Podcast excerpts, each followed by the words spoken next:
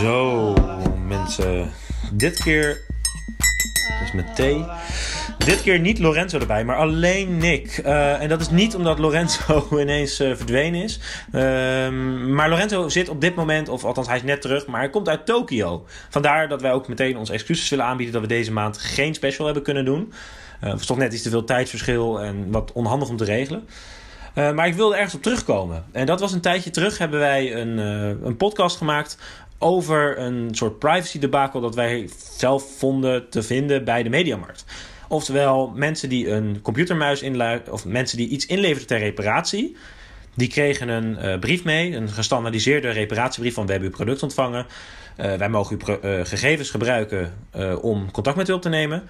Maar zij na, gebruikten die gegevens dus ook voor commerciële doeleinden. Die commerciële doeleinden waren niet gespecificeerd. We wisten niet wat het was. En we hebben dus toen verhaal gehaald bij de Mediamarkt.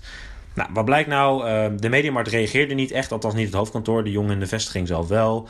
Die vond het heel vreemd. De, uh, de hoofdvestiging of de, het hoofdkantoor van de Mediamarkt heeft nooit gereageerd op onze uitzending, maar is ook nooit uh, inhoudelijk erop ingegaan. Wat we jammer vinden, want we hadden hen wel nadrukkelijk uitgenodigd om dat te doen. Zowel per mail als in de podcast zelf. Maar uh, ik, kwam dus mijn, ik ging mijn muis dus uiteindelijk ophalen, want die was wel degelijk gerepareerd. En ik krijg hem. En wat blijkt nou? Hij was dus niet gerepareerd. Er was niks mee gebeurd, terwijl er wel was gezegd dat hij was gerepareerd. Ja, nou, los van dat dat natuurlijk vervelend is.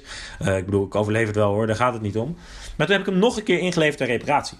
En toen kreeg ik dus weer zo'n brief mee. En ik, dacht, ik moest al lachen. Dus ik keek mijn vriendin aan en ik zei: Zal het er nog op staan? En verdomd, na onze uitzending is dus van die brief afgegaan dat ze de gegevens gebruiken voor commerciële doeleinden. En nu kunnen we zeggen, ja, dat is toeval, of de, et cetera. Maar daar geloof ik niet in. Ik denk dat dit echt een overwinning is die wij hebben geboekt dankzij deze podcast. Dat mensen op dat hoofdkantoor wakker zijn geschud. Uh, dat ze er uh, ja, een beetje droog af zijn gekomen. Want ik bedoel, als dit wordt opgepakt door een tros radar, dan is natuurlijk het bereik veel groter dan wij. Dat weten wij ook wel. Maar toch denk ik dat dit wel een, een interessant moment is waarin wij, waar wij heel trots op kunnen zijn. En ik vind, dat vind ik ook gewoon leuk om, om te kunnen melden. Vandaar ook deze korte update. En heb ik nog een aanpassing, uh, aan, kleine aankondiging. En dat is voor komende woensdag. Uh, dat is woensdag de eerste uit mijn hoofd. Even spieken. Uh, ja, woensdag de eerste.